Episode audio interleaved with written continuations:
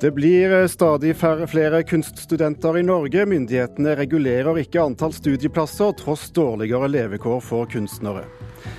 Terrorgruppen Den islamske staten har ramponert enda en oldtidsby i Irak. En krigsforbrytelse mot vår felles kulturarv, sier FNs generalsekretær.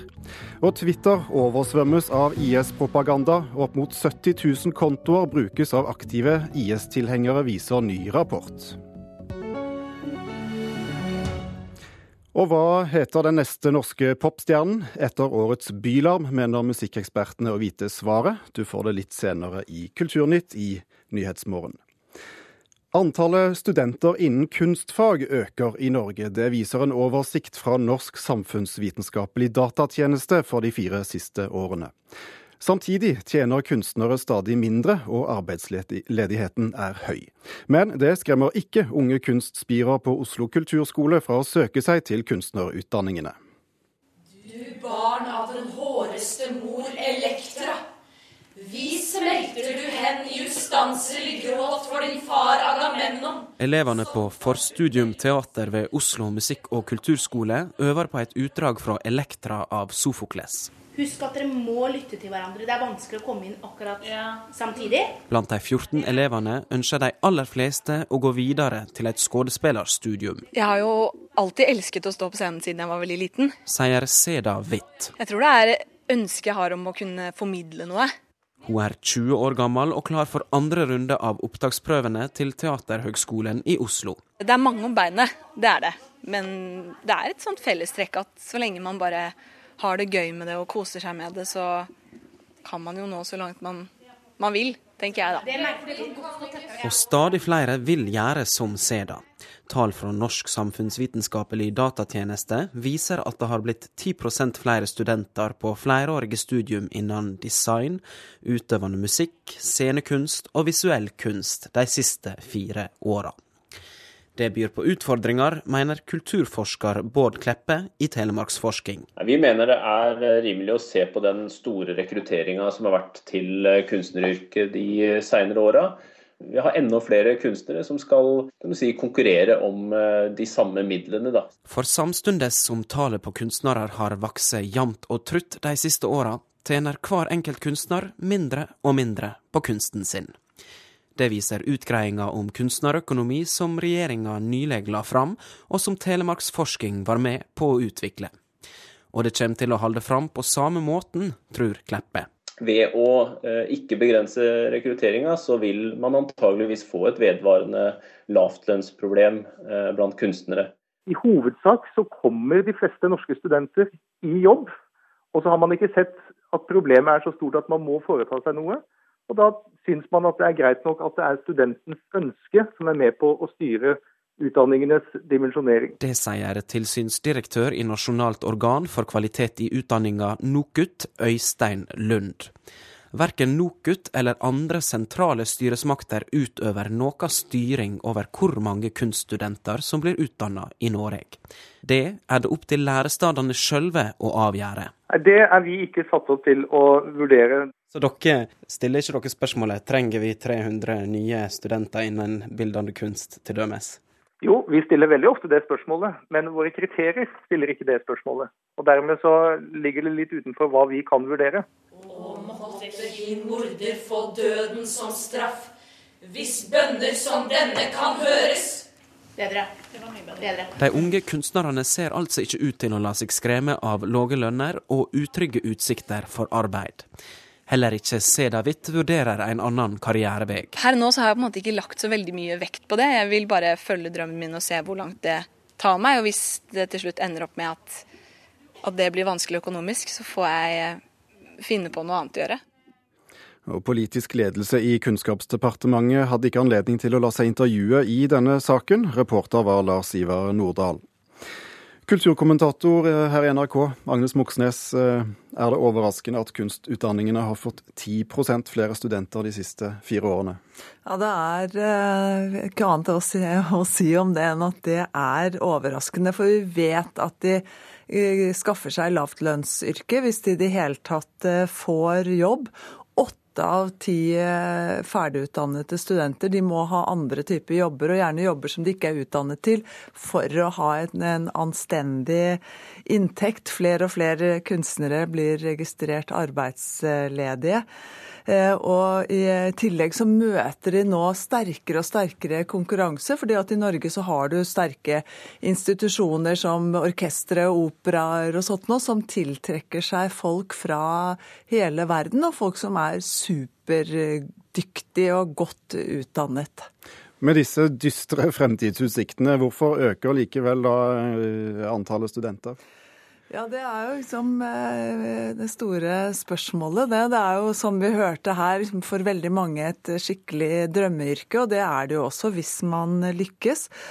Og så tror jeg at vi, vi lever eh, i, fordi vi lever i et rikt land hvor man liksom ta, kan ta sjansen på eh, noe hvor, hvor, sikkerhetsnettet ikke liksom er helt utspent for å ta imot hvis du faller. Regner med at her blir du tatt vare på. Og så følger jo da utdanningssystemet opp med at vi får stadig nye studieretninger, nye skoler, både offentlige og private. Og får man ikke en plass i Norge, så kan man reise til utlandet. Hva kan eller bør politikerne gjøre med dette? Ja, altså, ehm, De bør iallfall tørre å stille spørsmålet om det utdannes for eh, mange kunstnere. Vet at i Danmark nå, så før man godkjenner nye utdannelser, så er man nå begynt å stille spørsmålet er dette samfunnsnyttig eller er det ikke. Men samtidig så er idealet om at man skal få lov til å bli det man har lyst til å bli, sterkt i Norge og andre land vi sammenligner oss med. Eh, så sånn at eh, men på sikt, eller ikke på sikt engang, det du ser nå, det er jo at det er studentene som utdanner seg til arbeidsledighet eller lavtlønnsyrker, som er de som betaler den store prisen for at vi i Norge har et såkalt rikt og mangfoldig kunstliv. Bør vi prøve å finne ut hvorfor så mange vil bli kunstnere? Ja, eh, definitivt. For her er det noen mekanismer som ikke fungerer på samme måte som det gjør eh, når det gjelder andre mennesker. Når det gjelder andre utdannelser, så regulerer dette seg noenlunde av seg selv. Men det gjør det ikke når det gjelder kunstutdannelser. Det er helt tydelig også gjennom denne undersøkelsen som eh, vi har vist i dag. Agnes Moxnes, takk skal du ha.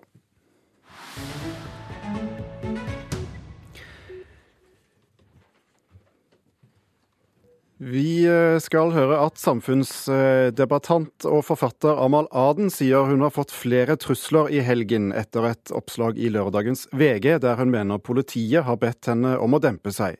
Det er folk som mener jeg fortjener å bli truet, sier Aden.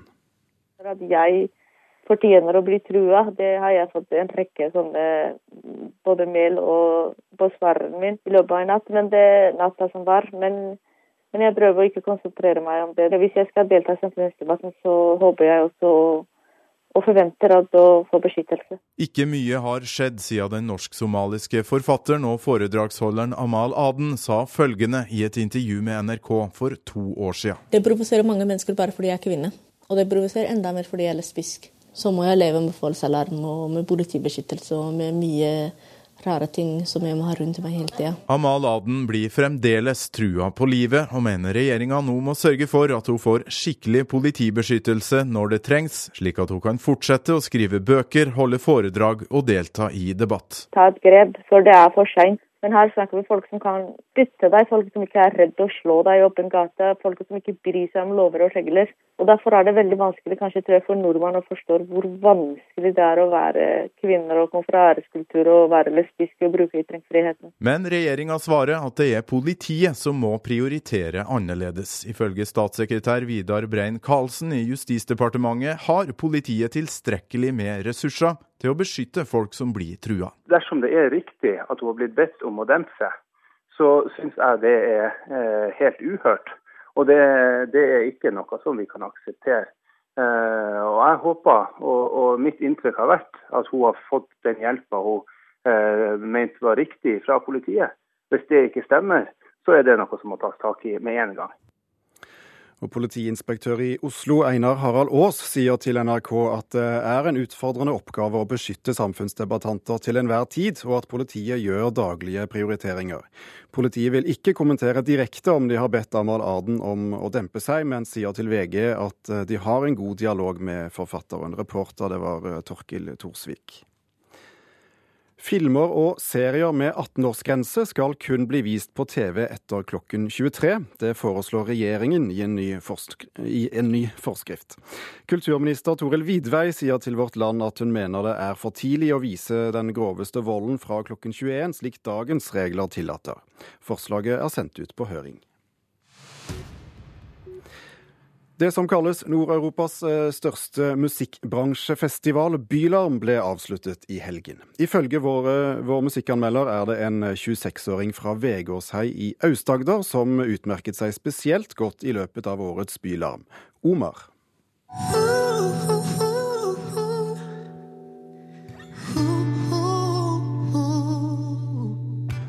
A fraction of a second Denne stemmen kommer vi til å få høre mye av i tida som kommer, mener flere musikkanmeldere. Blant dem som hadde Omar som favoritt før Bylarm, var VGs anmelder Sandeep Singh og musikkredaktør i Natt og Dag Malin Kulseth. Omar. Omar? Ja. Vi holder en knapp på Omar. Hva med deg? Jeg stiller meg bak uh, Omar, ja, så jeg er veldig Jeg, har, jeg, har, jeg vet ikke, jeg, bare, jeg har så troa på han. I won't hold you back. I won't hold you Omar fremfører her en akustisk versjon av låta 'Hold You Back' under en Bylime-sending på P3. Fjorårets store Bylime-favoritt Aurora Aksnes har fått enorm oppmerksomhet i året som har gått, og R&B-artisten Omar kan altså bli det neste stjerneskuddet. Det er, det er supergøy, men eh, ja, jeg kjenner jo litt press, da. Du gjør det? Jeg føler at jeg må prestere nå. I won't hold you.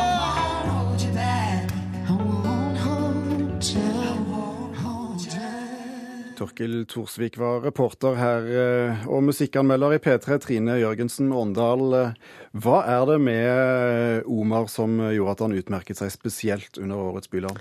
Eh, det som er på Bylarmprogrammet, er at der er det mange nye artister som presenteres. Og mange av dem er nok litt uferdige i uttrykket sitt når de står på scenen, mens Omar er helt i andre enden av skalaen. Han fremsto som en ganske ja, ferdig artist allerede, til tross for at han kun har sluppet én singel. Så det materialet han presenterte, holdt høyt nivå. Det var mye potensielle singler der, sterke låter. Og som vi hørte i reportasjer, så har han jo en helt eh, fantastisk stemme. Og han opererer et veldig tidsriktig uttrykk der han blander R&B med litt tyngre klubbmusikk. Hvilke andre artister og band eh, fikk eh, mye oppmerksomhet? det var, du snakket, eller det var snakk om Aurora Aksnes i oppsparket her. Hun var jo den store vinneren i fjor og spilte på nytt i år. Hun fikk mye oppmerksomhet, men var vel jeg føler ganske mange ikke har ikke helt låtmateriale på plass enda, til tross for at hun er en uh, fantastisk artist og kommer til å gjøre det stort, uh, stort på sikt. Uh, ellers har vi Slutface, som er noen unge punkere fra Stavanger som greide seg veldig bra. Vi har Astrid, som også opererer i krysningspunktet mellom R&B og, og elektronika.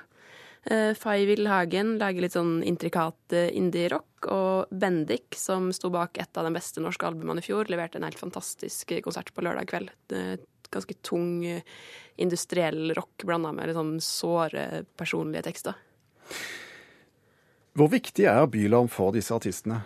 Eh, bylarm er viktig fordi det er som vi har om, det er fullt av bransjefolk der. Man får vise seg frem gjennom korte, spissa sett på 25 minutter til journalister, til platefolk, til eh, festivalbookere. Så man kan legge ganske godt grunnlag for, eh, for videre eksponering, både i Norden og videre ut i Europa. Det har vært mye snakk om at norsk musikk gjør det bra i utlandet for tiden. Ser det ut med, med dette grunnlaget til at det fortsetter?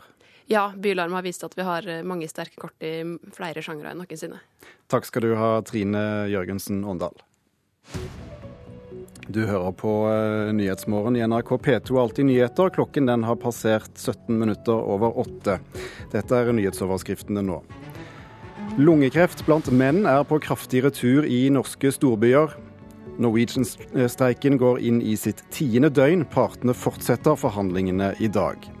KrF og Venstre vil sette foten, foten, ned for budsjettkutt som rammer de svakeste. I dag starter regjeringen arbeidet med neste års budsjett. FNs generalsekretær Ban Ki-moon sier ødeleggelsene av arkeologiske kulturminner i Irak er en krigsforbrytelse. Terrorgruppen Den islamske staten, IS, kontrollerer deler av Nord-Irak og skal i helgen ha gått løs på oldtidsbyen Hatra. Tidligere har de også ramponert det historiske museet i Mosul og knust den gamle asyriske hovedstaden Nimrod med bulldosere. Midtøsten-korrespondent Sigurd Falkenberg Mikkelsen, hva vet vi om det som har skjedd i Hatra? Det er mer uklart enn det som skjedde på museet i Mosul. Eh, vi har naturlig nok ikke tilgang til disse områdene, eh, men denne gangen har de heller ikke offentliggjort noen videoer. Eh, så er, stammer, Opplysningene stammer fra kilder i det irakiske turisme- og fornminneministeriet, som da sier at de har fått rapporter fra ansatte i Mosul om at mye er ødelagt. Det kommer også rapporter om at naboer har hørt eksplosjoner i nærheten av Hatra, og at også der har det vært bull bulldosere i gang på andre deler, av, andre deler av området. Men vi har altså ikke noen uavhengig eh, bekreftelse av det som skjer. Du har selv besøkt denne oldtidsbyen tidligere. Hvordan ser den ut, eller skal vi dessverre si så den ut, kanskje? Ja, altså den, den, da jeg besøkte den, så var det et uh, fantastisk uh, skue, og det gjorde et voldsomt inntrykk. Den ligger isolert til ute i ørkenen. Uh, det er ikke noe bylandskap rundt lenger, og det er bare store murer som nesten vokser opp av landskapet. Og Det er særlig inngangspartiet som er majestetisk, med, med store søyler. Hatra var jo en gang en grensepost og markerte skillet mellom den romerske verden og, den, og det partiske riket. Og Det merker man også der, for den tar opp i seg mye av den gresk-romerske arkitektoniske arven, kombinert da med østlig innflytelse. Så er det da en uh, tempel i midten uh, til ære for solguden uh, Shamas med en verdslig del rundt. Dette var en, uh, dette var en by eh, som hadde store bymurer. En av de store, berømte uh, historiske arabiske byene som lå Hatra for Hatras del uh, pga. Silkeveien. Men vi har også andre lignende byer rundt om i, i, i Midtøsten, f.eks. Balbek i Libanon, Palmyra i Syria eller Petra i Jordan. Hvorfor går IS løs på disse arkeologiske skattene på denne måten? Så Vi vet ikke hvorfor det skjer eh, akkurat uh, nå. Uh, personlig har jeg ventet på at noe slikt skulle skje, eller i hvert fall kunne skje. De har kontrollert disse områdene i, i sommer. og Det er jo da ideologisk motivert ødeleggelse. I tillegg så er det en del av en, tror jeg, destruktiv strategi, fordi det er også med på å ødelegge Irak og ødelegge de båndene som binder irakere sammen. Jeg kjenner irakere som gråt da de så disse videoene fra museet i eh, Mosul. Og det er jo slik med eh, gamle altså historiske steder. altså det betyr, Man tenker kanskje ikke så mye på det i dagliglivet, men de er veldig viktige for folk som bor i områdene. Og Det merker man særlig da når de utsettes for den type eh, ødeleggelse som nå. Unesco og FN eh, kaller disse ødeleggelsene for krigsforbrytelser. Eh, hva kan verdenssamfunnet gjøre for å stoppe disse raseringene? Det er jo ikke så mye man kan gjøre så lenge man ikke kontrollerer områdene. Og Dette kjenner vi igjen fra tidligere, f.eks. Bamiyan i Afghanistan. Det som Eh, gjør at Midtøsten nå er vanskelig, er at det er et så, så kaotisk område. og Dette er jo ikke det eneste forminnet som, som rammes heller i Midtøsten. Eh, men det som skiller dette fra andre steder, er at dette er bevisst eh, ødeleggelse. Mange andre steder så er de offer for rene krigshandlinger eller plyndring. Takk skal du ha, eh, Sigurd Falkenberg Mikkelsen. Eh, vi skal eh, fortsette å snakke om terrorgruppen Den islamske staten, for Twitter oversvømmes av IS-propaganda. Opp mot 70 000 kontoer på meldingstjenesten brukes av aktive IS-tilhengere, viser en ny rapport. Twitter gjør sitt beste for å stenge kontoene, noe ledelsen har mottatt dødstrusler for fra terroristene. Jan Birkeland, ansvarlig redaktør i Computerworld, Det er dere som skriver om uh, dette. Hvorfor velger IS Twitter som kanal? IS velger nok eh, Twitter eh, som kanal fordi de i utgangspunktet kommuniserer med et publikum som allerede er interessert i det de har å si. Og dette handler også for IS en del, en del om rekruttering. Og da treffer de også den litt yngre garden som nå bruker Twitter mest aktivt. Er det en effektiv eh, måte å kommunisere på? Vi ser jo at det er en veldig effektiv eh, måte å kommunisere på. Det er eh, raskt og tidløst og kommer veldig fort ut da, til publikummet. Dette tallet, flere titusenvis av kontoer, kan du fortelle litt mer om, om hva som ligger i det? Ja, altså det, det, beste estimatet vi har på aktive kontoer nå, er rundt 50 000. Det høyeste estimatet er rundt 90 Vi kan jo også selvfølgelig da tenke oss at det er flere enn dette. Man reklamerer jo, Det er ikke alle som reklamerer med at det er en, en IS-supporter da, på Twitter. Så det kan være flere også? Absolutt. Vi regner med at det er flere. Og Vi ser også at i 2013 så ble det satt opp litt over 4000 Twitter-kontoer som hadde support til IS, mens i 2014 så var det tallet da økt til 120 000 kontoer. Nytter det å fjerne disse kontoene? Ja, det nytter på en måte. Og dette er et litt uh, merkelig punkt, fordi det bør være ganske enkelt uh, å fjerne det. Uh, vi ser bl.a. at andre sosiale medier, sånn som Facebook og YouTube, de regulerer ekstremisme i brukeravtalene sine. Og Twitter står jo selvfølgelig også fritt til å gjøre dette. Og vi må ikke glemme at Twitter er et selskap som skal ha følgere, og som skal tjene penger. Og inni her det, ligger det også da et spørsmål om ytringsfriheten. Men altså det er, må være veldig klart at de fleste sosiale medier i dag regulerer allerede ytringsfriheten. Så dette er ikke noe sånn nytt. og det, det, bør liksom ikke være et forsvar for Twitter. Men likevel må det være et dilemma for Twitter-sjefene at, at, IS bruker ytringsfriheten til å kjempe mot den, og samtidig blir, blir Twitter-sjefene da truet på livet via sitt eget verktøy, nærmest? Ja da, jeg tror altså det er jo, den ironien tror jeg ikke er tapt engang på IS. Jan Birkeland, ansvarlig redaktør i Computerworld, takk for at du kom til Kulturnytt. Takk.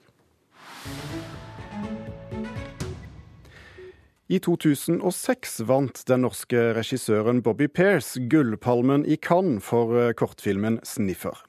Nå debuterer han endelig med sin første spillefilm. Denne helgen ble Dirk Ohm, illusjonisten som forsvant, vist på filmfestivalen Kosmorama i Trondheim. NRKs anmelder Birger Vestmo sier at filmen har sine kvaliteter, men også at den er skuffende lite engasjerende. A magical water from Grong. Mange har venta lenge på at gullpalmevinner Bobby Pierce skulle melde overgang fra kortfilm til spillefilm. Når han nå gjør det med Dirk Ohm, illusjonisten som forsvant, er resultatet ikke uten kvaliteter, men samtidig skuffende lite engasjerende. Filmens største problem er en svak hovedfigur som aldri blir forsøkt gjort interessant. Anslaget gjør meg nysgjerrig, men så skjer det lite. Dirk Ohm er et like stort spørsmålstegn når filmen slutter som når den begynner.